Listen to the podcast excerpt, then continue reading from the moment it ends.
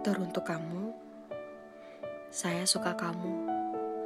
Kamu pandai menggambar, kamu pintar menggabungkan titik satu dengan titik yang lainnya sehingga menjadi gambar yang utuh.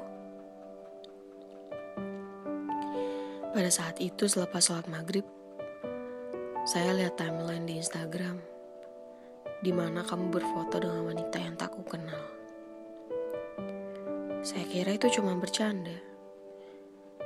Tapi pas lihat caption, ada emot love ungu di sana. Sakit memang, tapi masih tetap tegar memberikan selamat di DM. Selamat ya.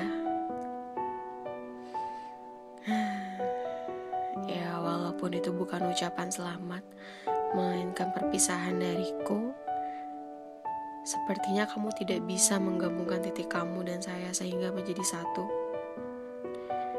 Tetapi kamu malah menggabungkan dengan titik yang lain. Tidak apa-apa. Ya namanya hati tidak bisa dipaksakan, bukan?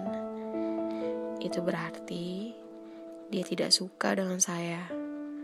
Atau saya atau saya hanya terbawa perasaan saja. Mungkin titik yang dia cari sehingga menjadi gambar yang utuh adalah dia, bukan saya.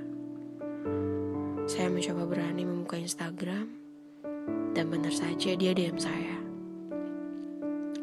Maafin aku ya, katanya. Ingin sekali rasanya membalas pesan itu. Tapi apa daya, hati ini sudah terlanjur sakit pikiran dan hati mendadak menjadi bingung.